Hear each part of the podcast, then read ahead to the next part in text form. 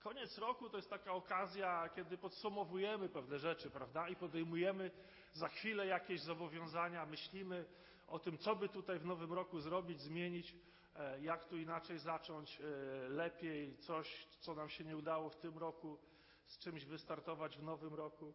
E, więc to jest taka, taka okazja, kiedy możemy się zastanawiać nad tym, co, co przed nami a też okazja, kiedy możemy się zastanawiać nad tym, e, co chcielibyśmy, żeby Bóg nam dał w nowym roku. Co chcielibyśmy, e, żeby, żebyśmy od Niego otrzymali, co, w jaki sposób chcielibyśmy być obdarowani przez Niego. Nie wiem, czy się często nad tym zastanawiacie, może w ogóle, ale, ale jest to coś, nad czym rzeczywiście warto, warto się pochylić e, i, i zastanowić właśnie nad tym, co Bóg może mieć dla mnie, co Bóg może mi dać w tym, w tym nadchodzącym roku e, i żeby się, e, żeby się przyjrzeć tej kwestii, chciałbym, żebyśmy przeczytali dzisiaj bardzo dobrze znaną historię ślepego Bartymeusza. Historię zapisaną w dziesiątym rozdziale Ewangelii Marka od wersetu 46 do 52. Pozwólcie, że przeczytam tych kilka wersetów a później chciałbym e, paroma, paroma myślami na ten temat się podzielić z Wami. I przyszli do Jericha, a gdy wychodził z Jericha on oraz jego uczniowie i mnóstwo ludu, syn Tymeusza, Bartymeusz, ślepy żebrak, siedział przy drodze, usłyszawszy, że to Jezus z Nazaretu, począł wołać i mówić, Jezusie, synu Dawida, zmiłuj się nade mną. I gromiło go wielu, aby milczał, a on tym więcej wołał, Synu Dawida, zmiłuj się nade mną. Wtedy Jezus przystanął i rzekł, zawołajcie go. I zawołali ślepego, mówiąc mu, ufaj, wstań, woła cię. A on zrzucił swój płaszcz, porwał się z miejsca i przyszedł do Jezusa. A Jezus odezwawszy się, rzekł mu, co chcesz, abym ci uczynił?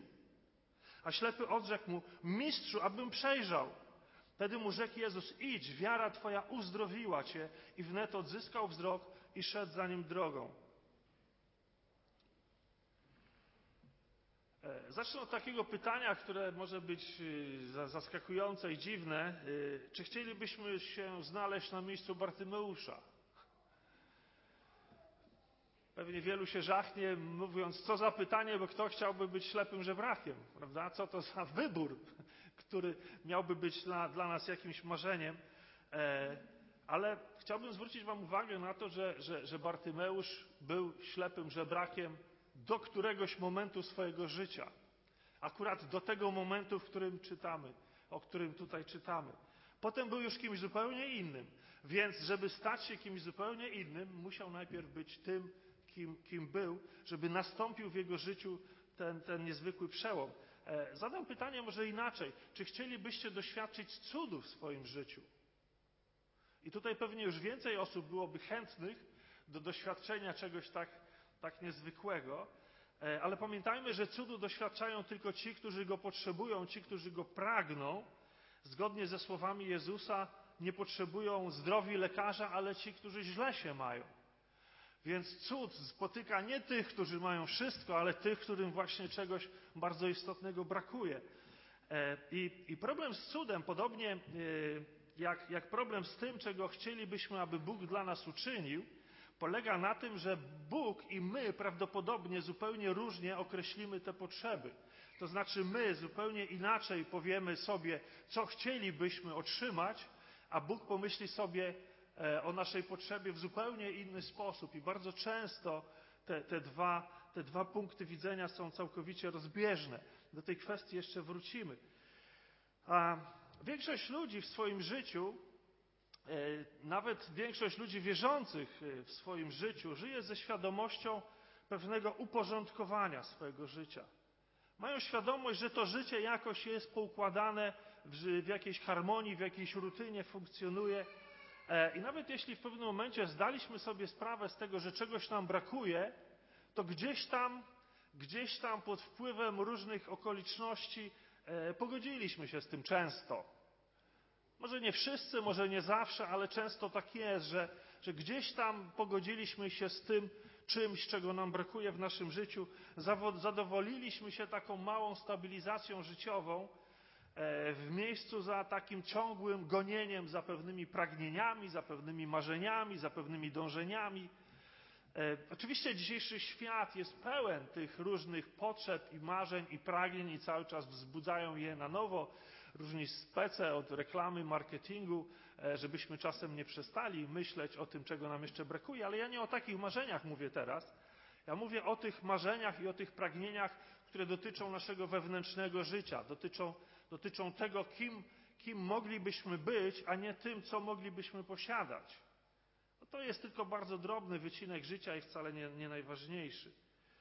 E, więc czy, czy nie jest tak, że, że walczymy o coś, że próbujemy coś zdobyć też w tej sferze duchowej i w zasadzie chciałbym się na tej sferze duchowej skupić, e, bo, bo dużo łatwiej jest nam przytoczyć y, jakieś, jakieś typy marzeń i pragnień ze sfery materialnej, czy takiej dotyczącej tego, tego życia najbardziej namacalnego, doczesnego.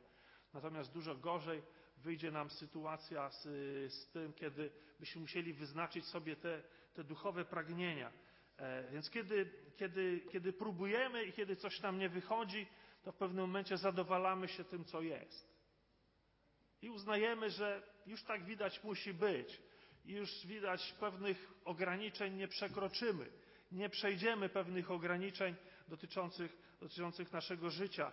E, lepszy wróbel w garści niż kanarek na dachu. Jest takie stare, banalnie proste przysłowie, które mówi nam o tym, ciesz się z tego, co masz, zamiast myśleć o tym, co jest poza Twoim zasięgiem.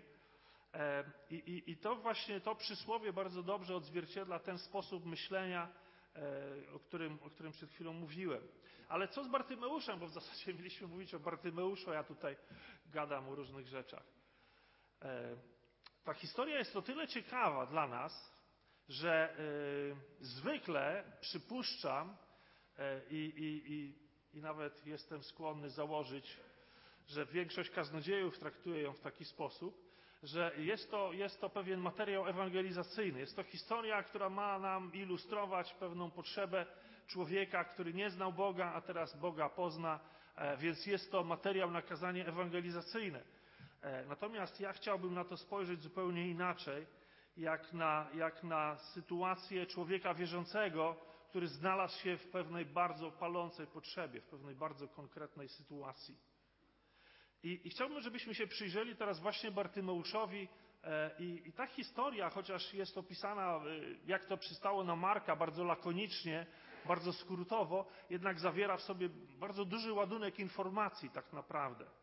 Więc pierwsza rzecz, pierwsza ilustracja e, na temat sytuacji Bartymeusza, pierwsza konstatacja, myśl na temat jego sytuacji jest taka, że on był świadomy swojego braku. Był człowiekiem, który był świadomy tego, czego mu brakuje. To dosyć oczywiste, prawda? I przyszli do Jericha, a gdy wychodził z Jericha on oraz jego uczniowie i mnóstwo ludu, syn Tymeusza, Bartymeusz, ślepy żebrak, siedział przy drodze. To jest ta, ta informacja, która nas wprowadza w całą tą e, historię Bartymeusza. Z niej się dowiadujemy, kim on w ogóle jest, co robi.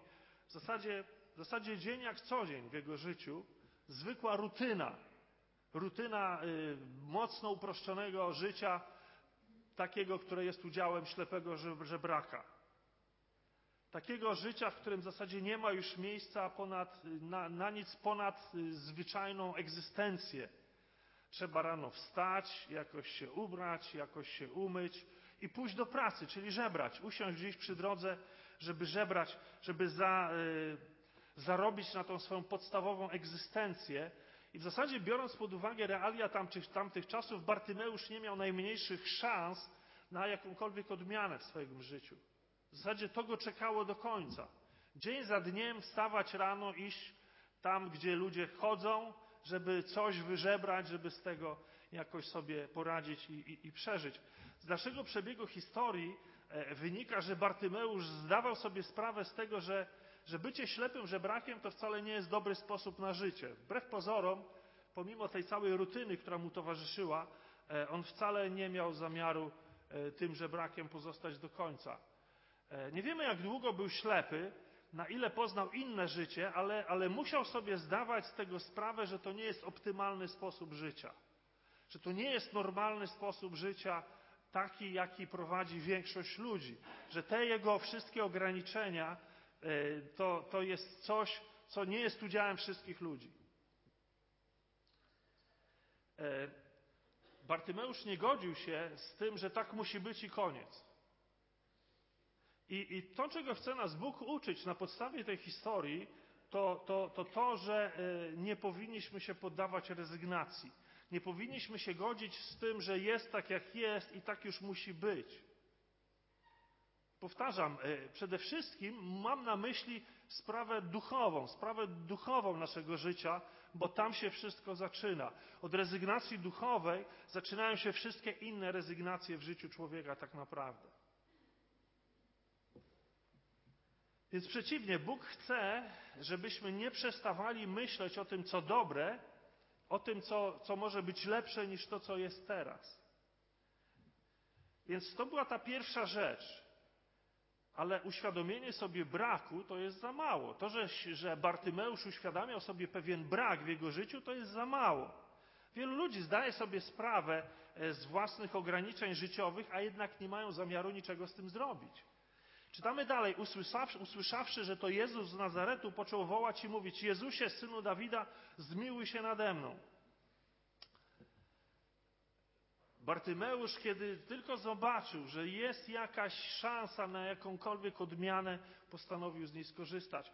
Wielu ludzi natomiast przyzwyczaiło się do tego, że, że te ich ograniczenia są już ograniczeniami na zawsze. Przyzwyczaili się i, i nie wierzą, że może być inaczej. Nie wierzą, że może być inaczej, może dlatego, że boją się rozczarowania, bo wielokrotnie próbowali coś zmienić w swoim życiu, także w sensie duchowym próbowali coś zmienić, nie będąc zadowolonym z tego swojego, swojego, swojego życia z Bogiem, a jednak kiedy, kiedy im się to nie powiodło za pierwszym, drugim, dziesiątym razem, gdzieś tam pojawiała się, pojawiała się rezygnacja. Jest bardzo dużo powodów tego, że rezygnujemy w swoim życiu z tego, co może być naszym udziałem, a, a przestaje nim być. John Milton, e, angielski e, poeta XVII-wieczny, purytanin, powiedział: Nie jest nieszczęściem być ślepym, za to nieszczęściem jest być niezdolnym do przezwyciężenia ślepoty. Nie jest nieszczęściem być ślepym, ale nieszczęściem jest być niezdolnym do przezwyciężenia ślepoty. Co to znaczy? Każdy z nas czegoś nie ma. To jest normalna rzecz w życiu. Nikt z nas nie ma wszystkiego. Nawet ci najbogatsi ludzie nie mają wszystkiego, chociaż mogłoby nam się wydawać. Więc nikt z nas nie ma, nie ma wszystkiego, każdy z nas czegoś nie ma. Więc przezwyciężenie ślepoty w tym przypadku polega na tym, że nie żyjemy w poczuciu braku, skupiając się na tym braku, pomijając to wszystko, co jest naszym udziałem, a myśląc jedynie o tym, czego nie mamy, ale skupiamy się e, na przekonaniu, że poza tym brakiem posiadamy całe mnóstwo różnych powodów, by się, by się na tym nie skupiać, by nas to nie określało, by nie określał nas ten brak. Czyli ślepy człowiek nie powinien się skupiać na tym, że nie widzi. Jest to dosyć drastyczny przykład, bo, bo powiedzielibyśmy, no jest to dosyć duże ograniczenie w życiu, prawda, że się nie widzi. A jednak nawet niewidomi ludzie e, potrafią dokonywać wielkich rzeczy i, i są podziwiani. Mógłbym tu wymieniać różnych sławnych, niewidomych e, śpiewaków, e, którzy, których podziwiamy. Andrea Bocelli, Jose Feliciano, e, Stevie Wonder, Ray Charles, całe mnóstwo Ludzi, którzy nie ograniczyli się do tego, do tego, czego nie mają, ale skorzystali z tego, co otrzymali. Na przykład dar niezwykłego głosu i muzykalności. Więc nie jest nieszczęściem być ślepym, za to nieszczęściem jest być niezdolnym do przezwyciężenia ślepoty. Nie to określa nas, czego nie mamy, ale określa nas to, co mamy. I to jest nasz wybór, którego dokonujemy w swoim życiu, na czym chcemy się skupić. I Bartymeusz postanowił coś z tym zrobić, wiedząc, że coś ma, coś ma sam z siebie i coś ma w sensie pewnej możliwości, która przed nim staje. Więc kiedy tylko usłyszał, zapewne z rozmów ludzi przechodzących obok, koło niego, że zbliża się Jezus i pewnie wiedząc już, kim był Jezus, i jaki może wywrzeć, jaki może wywrzeć wpływ na jego życie, zdał sobie z tego sprawę, że oto nadchodzi, nadchodzi prawdopodobnie może, może jedyna szansa w jego życiu na odmianę tego życia. Więc trzecia rzecz, wykorzystał nadarzającą się okazję. Chęć zmiany to za mało. Uświadomienie sobie braku, od którego zaczęliśmy, to za mało, ale chęć zmiany to też jest za mało. Sama chęć nie jest w stanie wywołać zmiany, więc nie wystarczy chcieć. Bardzo dobrze jest chcieć i to jest już dużo, co zrobiliśmy po tym, jak uświadomiliśmy sobie brak i, i zapragnęliśmy zmiany, ale, ale trzeba zrobić coś więcej. Potrzeba do tego działania w sprzyjających okolicznościach. Potrzeba po prostu pewnej okazji w naszym życiu. Bartymeusz taką okazję wypatrzył, a właściwie biorąc pod uwagę jego przypadłość, e, usłyszał. Chciał skonfrontować Jezusa ze swoim nieszczęściem.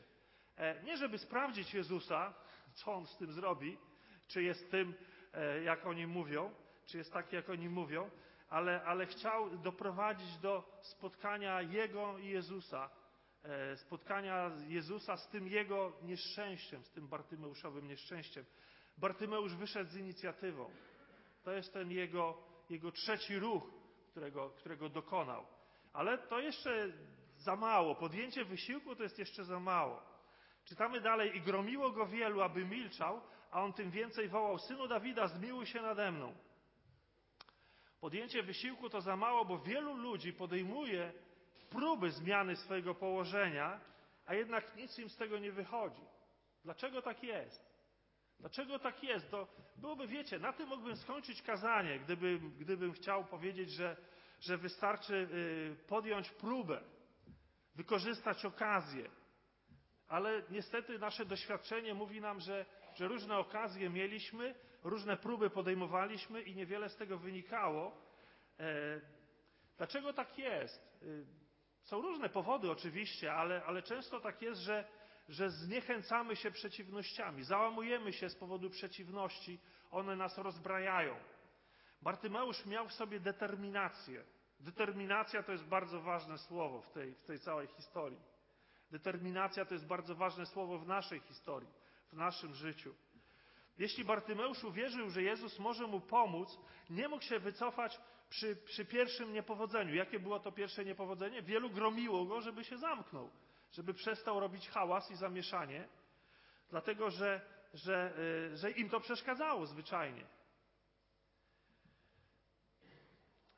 Bartymeusz wołał, ale to nic nie dawało to jest jego niepowodzenie. Nie dość, że to nic nie dawało, bo, bo, bo zmiana nie nastąpiła, to jeszcze spotkał się, spotkał się z, z takimi reakcjami. Jezus do niego nie podszedł. Bartymeusz woła i nic się nie dzieje. Jezus do niego nie podchodzi. Y, I te pierwsze nieudane próby ze strony Bartymeusza to jest dla mnie taka metafora niewysłuchanych modlitw w naszym życiu. Pewnych prób zmiany naszego położenia, jakich, jakie podejmujemy w swoim życiu, i, i nie przyniosły one skutku. Ilu ludzi, ilu z nas wycofało się po tym, kiedy modliliśmy się o zmianę i zmiana nie przyszła? Bartymeusz, tak jak powiedziałem, naraził się wielu, bo zrobił coś niewłaściwego. Przeszkadzał innym w słuchaniu Jezusa, dlatego że Jezus, tak jak to miał w zwyczaju, kiedy gdzieś tam szedł z miejsca do miejsca, wykorzystywał czas po drodze i nauczał. Zwyczajnie oni sobie szli całymi kilometrami, a Jezus nauczał, więc ci, którzy szli blisko, słyszeli lepiej, ci, którzy szli dalej, słyszeli gorzej, a tu jeszcze Bartymeusz coś krzyczy, więc nie słychać, więc go uciszają. E, dziś powiedzielibyśmy, że, że, e, że Bartymeusz wykazał się asertywnością, bo go to nie zatrzymało, że go uciszają i postanowił, postanowił e, przeciwstawić się temu. My nie możemy uważać, że nasze potrzeby są nic nie warte i dać się uciszyć, e, czy, czy przeciwnością, czy innym ludziom, czy sobie samym, żeby się wycofać e, za każdym razem na koniec kolejki, kiedy nam coś się nie udaje, kiedy nam coś nie wychodzi. Na zasadzie, Boże, nie chcę Ci przeszkadzać, może przyjdę kiedy indziej. Właśnie tak jest, kiedy się modlimy, kiedy nasze modlitwy nie spotykają się z odpowiedzią, taką, jakiej byśmy się spodziewali i w takim czasie, kiedy byśmy się spodziewali, mamy, mamy y, taką, taką pokusę, żeby zrezygnować, żeby się wycofać. Tak jak nie możemy się wycofać na koniec kolejki, tym bardziej nie powinniśmy się unosić dumą, mówiąc, no tak nie wysłuchał mnie, więc to tyle się mówi o tej dobroci Bożej, o tym, że, że Bóg się o nas troszczy, a nie, nie wysłuchał. Więc gdzie jest ta Boża dobroć? Więc nie możemy na to sobie pozwolić. Nie możemy y, ciągnąć tego wątku, jeśli, jeśli mamy pokusę, żeby, żeby się oburzyć, żeby się obruszyć, żeby się, żeby się tym zniechęcić. E, diabeł podsuwa nam takie myśli, żeby nas właśnie y, pokonać. Co się dzieje dalej z Bartymeuszem, bo ta historia jeszcze trwa i, i muszę was zmartwić, że ja nawet nie jestem w połowie. Ale mam nadzieję, że do końca roku skończę. Więc to jest ta dobra wiadomość. E, piąta rzecz. E, Bartymeusz był gotowy pokonać własne ograniczenia. Czytamy dalej. Wtedy Jezus przystanął i rzekł: Zawołajcie go. I zawołali ślepego, mówiąc mu: Ufaj, wstań, woła. A on zrzucił swój płaszcz, porwał się z miejsca i przyszedł do Jezusa. Determinacja to za mało, kiedy spotykamy na przeszkody wynikające z ludzkich ograniczeń. Więc widzicie, to nie jest prosta historia. Tutaj jest wiele przeszkód do pokonania. I to obrazuje nasze życie, kiedy mamy wiele przeszkód do pokonania. To nie są proste historie. To nie jest prosta rzecz. Czasem się chrześcijaństwo przedstawia w taki bardzo, bardzo, bardzo uproszczony sposób. I to jest jakaś prawda o tym wszystkim. Ale, ale często nasza historia jest właśnie pełna, pełna tych przeciwności i pełna tych prób i niepowodzeń.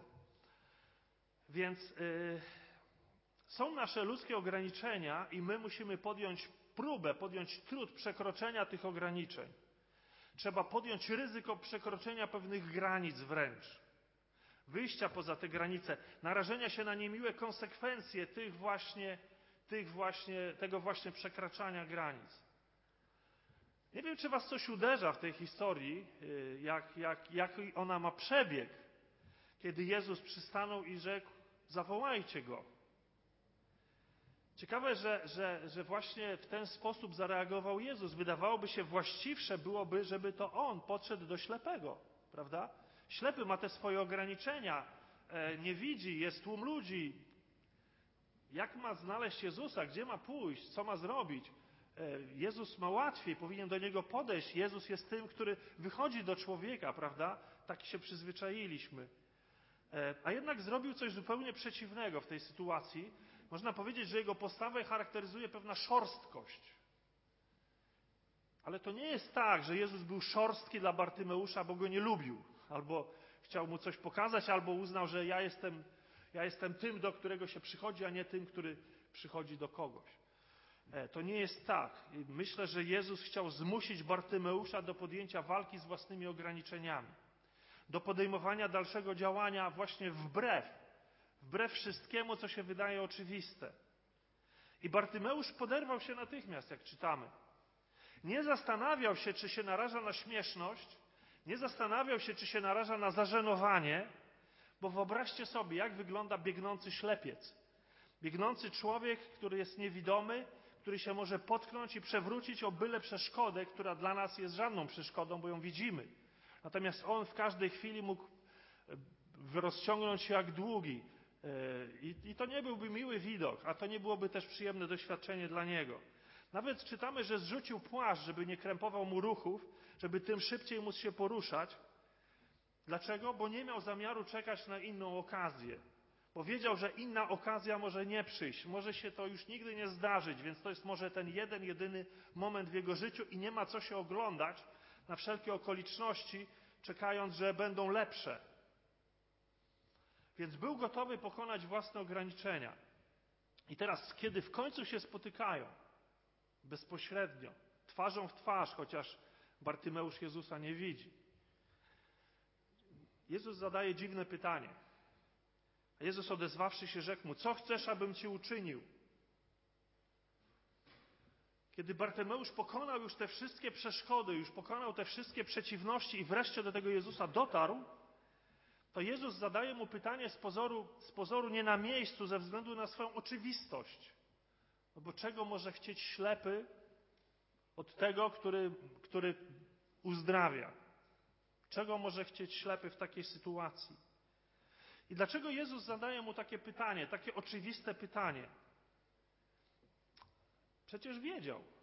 Przecież Jezus doskonale wiedział, czego chce Bartymeusz. Nie na zasadzie prawdopodobieństwa, ale na zasadzie tego, że zwyczajnie wiedział, znając człowieka na wylot.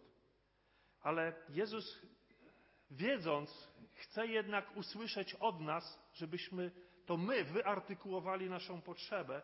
Chce usłyszeć nasze wyznanie. Chce, żebyśmy się zmierzyli z ostatnią przeszkodą, to znaczy wyartykułowaniem swojej największej potrzeby, żebyśmy umieli ją nazwać sami dla siebie i sami przed sobą. Dlaczego wydaje nam się to oczywiste, że dla Bartymeusza największą potrzebą będzie odzyskanie wzroku? A może właśnie coś innego? Dlatego, dla, dlaczego, dlaczego jest, y, jest tak, że Bóg wie, co jest dla nas najlepsze, a chce się jednak dowiedzieć tego od nas? Żebyśmy my powiedzieli, o co nam chodzi, czego chcemy w tej modlitwie przed Bogiem. Oczywiście niektórzy się modlą, Panie, Ty wiesz wszystko, Ty wiesz, co jest najlepsze, więc zrób to, co jest najlepsze. Ale nie takiej modlitwy oczekuje Bóg. Bóg oczekuje od nas, żebyśmy wyartykułowali swoją potrzebę, żebyśmy powiedzieli dokładnie i wyraźnie o tym, na czym nam zależy, co jest dla nas sednem naszego życia, sednem naszej potrzeby, istotą. Żeby, żeby, żeby, żeby to było nasze wyznanie. Bóg nie programuje nas w taki sposób, że wszyscy jednakowo, jednakowo myślą, jednakowo działają, jednakowo mówią i tak dalej. On, on kształtuje nas w zgodzie z naszymi pragnieniami. Nie jest niewolnikiem naszych pragnień, ale chce, żebyśmy my artykułowali swoje pragnienia. Dlatego cały ból oczekiwania na Bożą odpowiedź na nasze problemy, które wyartykułowaliśmy przed Bogiem, bardzo często polega właśnie na tym, że Bóg kształtuje nas tak, żebyśmy zrozumieli, co jest naszą największą potrzebą. Często nie to, co nazwaliśmy, ale musimy dojść do tego, co mamy nazwać, na co Bóg chce nam wskazać. Dlatego trzyma nas w pewnym dystansie, nie rozwiązując naszego problemu, bo chce nam pokazać, że nasz prawdziwy problem leży gdzie indziej niż nam się wydaje. Akurat u Bartymeusza nie było tego problemu, bo, bo, to, bo to nastąpiło y, spotkanie e, tej właściwej potrzeby z, z tym, który ją, ją, ją realizuje. Ale w wielu naszych przy, przy sytuacjach jest tak, że że chcemy czegoś, a Bóg mówi, to nie jest najważniejsze. To nie jest sedno twojego, twojego, twojego problemu. To nie jest coś, co zmieni Twoje życie. To nie to zmieni Twoje życie. Nie wiem, jeśli ktoś e, chce wyjść za mąż, czy się chce ożenić i, i myśli, że to zmieni jego życie, a Bóg mówi, to nie zmieni Twojego życia. Coś innego zmieni Twoje życie. Jeśli ktoś myśli, że że w pracy się źle czuje, to nie jest dobra praca i, i jakby miał inną, lepszą pracę, to by wszystko zmieniła. Bóg mówi, to nie jest to. To nie tu leży problem. Ktoś myśli, że, że zdrowie to jest ta najważniejsza rzecz i wydaje się, że co może być ważniejszego rzeczywiście. A Bóg mówi, nie, nie, nie, nie, to nie o to chodzi. I często dosyć długo to trwa, zanim, zanim od, odnajdziemy to, na co Bóg chce nam wskazać, a czasem nie odnajdziemy tego w ogóle, bo tak mocno się zafiksowaliśmy na tej naszej potrzebie, że nie potrafimy odnaleźć tej potrzeby, którą Bóg chce nam wskazać. I co dalej, co dalej w naszej historii? E, a ślepy odrzekł mu mistrzu, abym przejrzał. To jest jego odpowiedź. I ta odpowiedź jest oczywista, prawda? Ten ślepy człowiek nie miał najmniejszych wątpliwości, czego chce od Jezusa. Nie potrzebował się, nie potrzebował się zastanawiać, Wybrał już wtedy, kiedy, kiedy zawołał. A jednak Jezus dał mu możliwość wypowiedzenia tych właśnie słów. To nie jest zaklęcie, które mamy wypowiedzieć zgodnie z formułą wszystkie słowa we właściwej kolejności i tak dalej. To nie działa tak, a jednak Bóg chce, żebyśmy wypowiadali na głos nasze pragnienia. Żebyśmy się nie bali brzmienia tych słów. Nawet jeśli to są złe pragnienia, to dobrze, żebyśmy je wypowiedzieli i zderzyli się z, z, tym właśnie, z tym właśnie słowem, niech ono wybrzmi w naszych uszach. Niech ono w naszym sercu zadrga tak właściwie, żebyśmy zobaczyli, czy to jest dobra rzecz. Żebyśmy nie bali się odwagi tych pragnień, bezceremonialności tych pragnień. Bóg tego od nas, tego od nas oczekuje. takiej właśnie szczerości, takiej właśnie dokładności, prawdziwości naszego życia. Nie asekurujmy się, bierzmy tę obietnicę wprost. Ja nie mówię, że każde pragnienie zostanie przez Boga zrealizowane, ale, ale Bóg chce, chce je usłyszeć, chce, żebyśmy je sformułowali. My patrzymy, patrzymy na tę historię jak na rozmowę Bartymeusza y, z Jezusem, ale to, co mówi Bartymeusz, to jest jednocześnie modlitwa człowieka w potrzebie. Modlitwa skierowana do swojego Zbawcy. Co byście wybrali, gdybyście się znaleźli na miejscu Bartymeusza? Wyobraźcie sobie taką sytuację. Jesteście tym, kim jesteście w tym dniu waszego życia i zdarza wam się ta sytuacja, że możecie wypowiedzieć to pragnienie przed Jezusem. I co byście powiedzieli? Każdy myśli sobie, jaki to byłby wielki, wspaniały dzień, gdybyśmy tak mogli stanąć przed Jezusem i wypowiedzieć tę, tę, tę, tę swoją potrzebę, to swoje pragnienie. Ale co stoi na przeszkodzie, żeby ten właśnie dzień był naszym udziałem właśnie tu i teraz? Żebyśmy tę właśnie swoją potrzebę mogli przed Nim wy, wyartykułować, wyrazić. Wszak wierzymy, że Jezus jest żywy, obecny, tu i teraz. To nie jest ta sytuacja z Jericha, z drogi do, do Jericha, że trzeba było fizycznie Jezusa spotkać, który był tylko w tym jednym miejscu, w tym jednym czasie.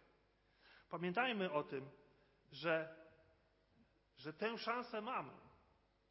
Tę szansę, którą je, je, Bartymeusz miał jedną w swoim życiu, my ją mamy. Nie mówię, że mamy ją zawsze i mamy ją bez przerwy, bo różnie wygląda nasze życie i nasze nastawienie i nasza gotowość rozmawiania z Bogiem i nasza gotowość przychodzenia do Niego, ale, ale, ale zastanówmy się, zastanówmy się teraz, czy, czy jesteśmy świadomi braku w swoim życiu? Czy chcemy coś z tym brakiem zrobić? Czy jesteśmy gotowi wykorzystać nadarzającą się okazję? W tym momencie okazja polega na tym, że, że, że, że czujemy w sobie pewne pragnienie do, do powiedzenia tego Bogu. Czy jesteśmy w tym zdeterminowani, gotowi pokonać pewne przeciwności? Czy jesteśmy gotowi pokonać własne ograniczenia w tej kwestii?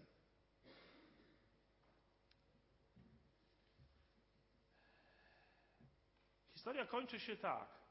Wtedy mu rzekł Jezus: Idź, wiara Twoja uzdrowiła Cię, i wnet odzyskał wzrok i szedł za nim drogą. Dlaczego otrzymał to, o co prosił?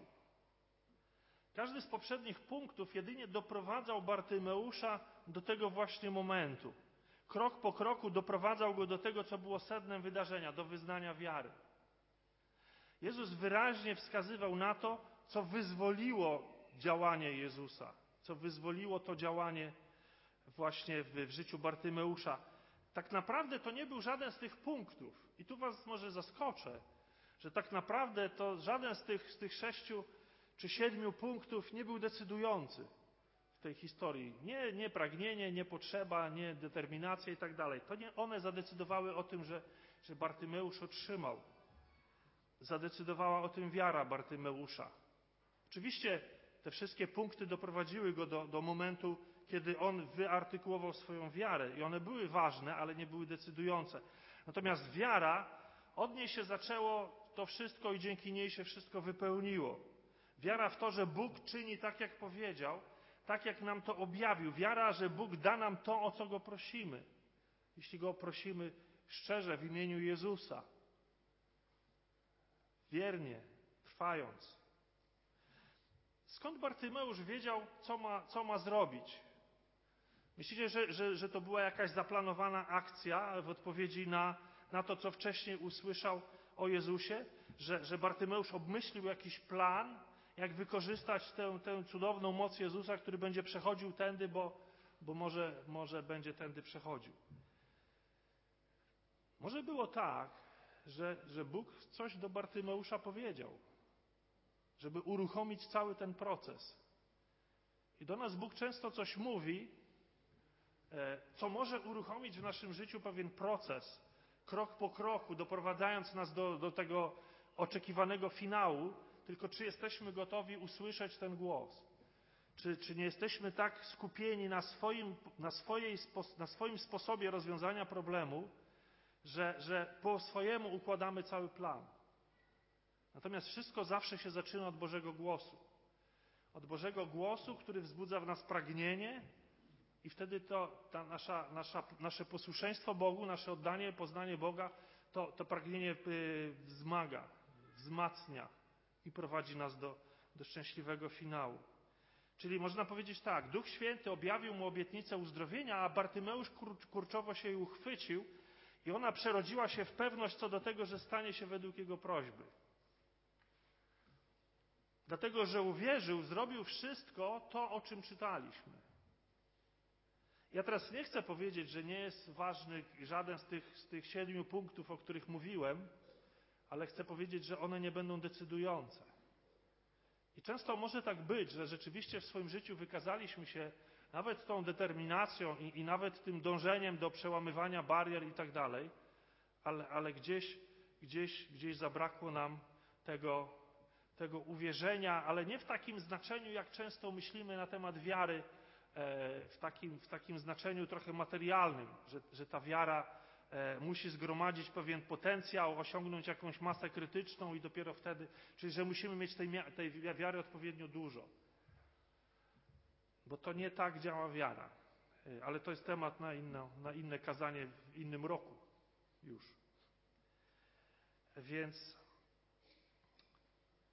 wiem, że już powinienem dawno skończyć i w zasadzie już nabożeństwo powinno się, się zbliżać do finału, a ja jeszcze nie jestem w finale. I, I mam pewien dylemat teraz.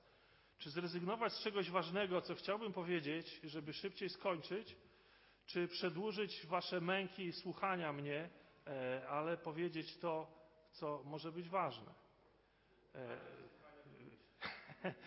pytanie było retoryczne oczywiście, bo nawet gdybyście powiedzieli, nie, siadaj bracie, już wystarczy, to i tak bym próbował jeszcze tu trzymać się kurczowo kazalnicy, żeby powiedzieć wam jeszcze parę słów. Chcę powiedzieć jeszcze o Jezusie. I to już naprawdę nie będzie długie. E, oczywiście można skończyć tę historię na tym, co się wydarzyło, bo ta się, historia się zakończyła. Bartymeusz został uzdrowiony i poszedł dalej swoją drogą, już jako, jako zdrowy człowiek. Ale, ale ta historia ma dwóch bohaterów. Jeden to Bartymeusz, a drugi to Jezus. Na razie o Jezusie bardzo niewiele powiedziałem, ale nie bójcie się, to nie będzie cała druga połowa. O Jezusie chcę powiedzieć tylko trochę. E, więc, więc nam się wydaje, że Jezus to nie ma nic do roboty. Że po prostu zrobić cud, co dla Niego jest czymś oczywistym. Zrobienie cudu dla Jezusa to tak jak dla nas wstanie z krzesła. E, ale, ale e, to nie jest tak do końca. E, z tym, że Jezus nie ma tutaj nic do roboty. Całe nasze zmaganie z Bogiem dotyczy z reguły tego samego. Czy Bóg jest zainteresowany moim losem? Całe nasze, nasze męczarnie z Bogiem, kiedy, kiedy zmagamy się z jakimś poważnym problemem naszego życia, polega często na tym, wchodzimy w ten etap, czy Bóg jest zainteresowany moim losem, czy Bóg rzeczywiście myśli o mnie w tej sytuacji. Pierwsza scena, Bartymeusz woła, Jezus nie reaguje.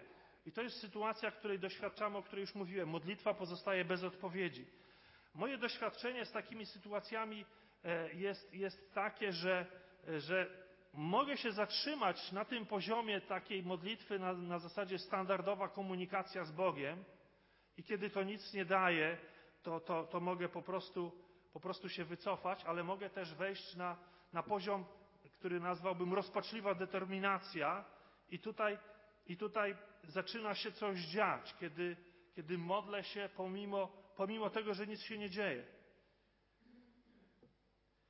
I, i, dlaczego tak się dzieje, że, że Bóg nie odpowiada nam, kiedy po prostu się modlimy zwyczajnie? Często nam nie odpowiada, kiedy się po prostu modlimy zwyczajnie, i dopiero kiedy, kiedy modlimy się z taką determinacją, z takim zaangażowaniem wytrwale, dopiero coś się zaczyna dziać. Chociaż to też nie jest regułą, ale, ale często tak jest. Myślę, że, że y, część odpowiedzi brzmi, y, że polega na tym, że Bóg y, jakby daje nam lekcję pod tytułem Pokaż, że Ci zależy. Pokaż, że Ci naprawdę na tym zależy. Pokaż, jak Ci zależy. I drugą lekcję, y, która y, brzmi: naucz się, że dasz radę, kiedy, kiedy myślisz, że, że nie ma mowy o tym, żeby dać radę. Oczywiście to są lekcje dla nas, y, nie dla Jezusa, nie dla Boga. On tego nie potrzebuje. E, to są lekcje, których my potrzebujemy, lekcję wiary i zaufania jednocześnie. E, Jezus w tej historii pokazuje nam, że jest tym, którego nazwano Emmanuel, Bóg z nami. Ten akcent świąteczny nam się tu pojawił. Emmanuel, Bóg z nami. Czasem może nam się wydawać, że, że Bóg nas nie słyszy, że Bóg nie reaguje, a potem się okazuje, że cały czas był w drodze. Cały czas był w drodze, szedł do nas, ale też dawał nam szansę, żebyśmy my zbliżyli się do Niego. To jest ta sytuacja. To jest ta sytuacja, kiedy, kiedy Bóg chce, żebyśmy, żebyśmy pomimo tych wszystkich okoliczności zbliżyli się do Niego i mieli cały czas, i co jest niezwykle ważne w tym wszystkim, mieli cały czas to silne przekonanie o tym, że Bóg jest tym, za kogo się podaje, że Bóg jest tym, który jest z nami, że Bóg nie jest obojętny, że Bóg nie, nie traktuje nas lekceważąco, że Bóg o nas nie zapomniał, że, że Bóg nas nie odrzucił, że Bóg nas nie, nie pominął, żeby pomimo wszystko, pomimo tych wszystkich okoliczności, żeby towarzyszyła nam właśnie ta myśl, że Bóg jest tym, który określił sam siebie Emmanuel, Bóg z nami. Bóg jest tym, który powiedział: Nie porzucę cię ani cię nie opuszczę. Pomimo wszystkich okoliczności, żebyśmy mieli tę świadomość. Właśnie taką, taką sytuację.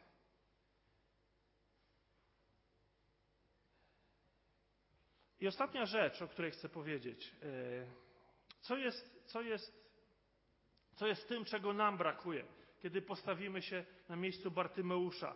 Czego nam brakuje, żeby nasz, nasza sytuacja uległa zmianie? Usłyszenia obietnicy? Brakuje nam wiary, żeby ją podjąć, tę obietnicę? Czy może tego, żebyśmy wiedzieli, czego oczekujemy od Boga? Co jest tą rzeczywistą naszą potrzebą, którą Bóg uznaje za naszą rzeczywistą potrzebą? Czy wiemy, co chcemy, żeby nam uczynił? Myślę, że Bartymeusz już wcześniej wołał do Boga o zmianę swojego losu, dlatego otrzymał obietnicę, dlatego to cały proces się rozpoczął.